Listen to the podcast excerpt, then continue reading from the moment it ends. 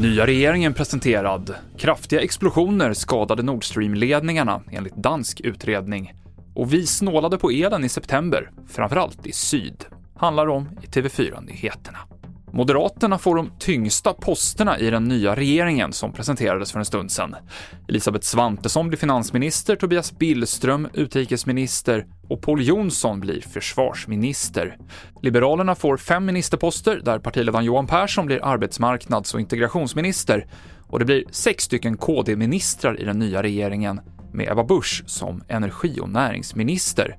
Och det kan bli en viktig roll under mandatperioden, säger vår expert Marcus Oskarsson mycket fokus just på elfrågan eh, och energifrågan och kärnkraftsfrågan. Och jag tror där är den punkten som Ebba Busch eh, tar sikte på.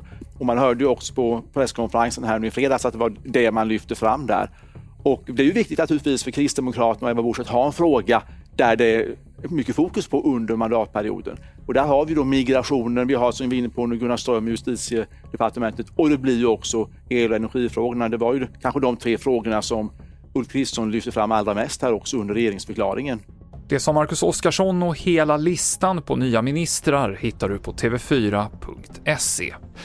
Vi fortsätter med Nord Stream. Skadorna på gasledningarna i dansk ekonomisk zon orsakades av kraftiga explosioner.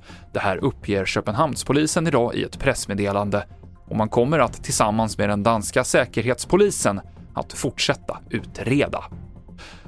Och de svenska hushållen drog ner elförbrukningen med hela 18% i september jämfört med samma månad förra året, enligt ny statistik från Svenska kraftnät. Och det är tydligt att det är priserna som spelar in.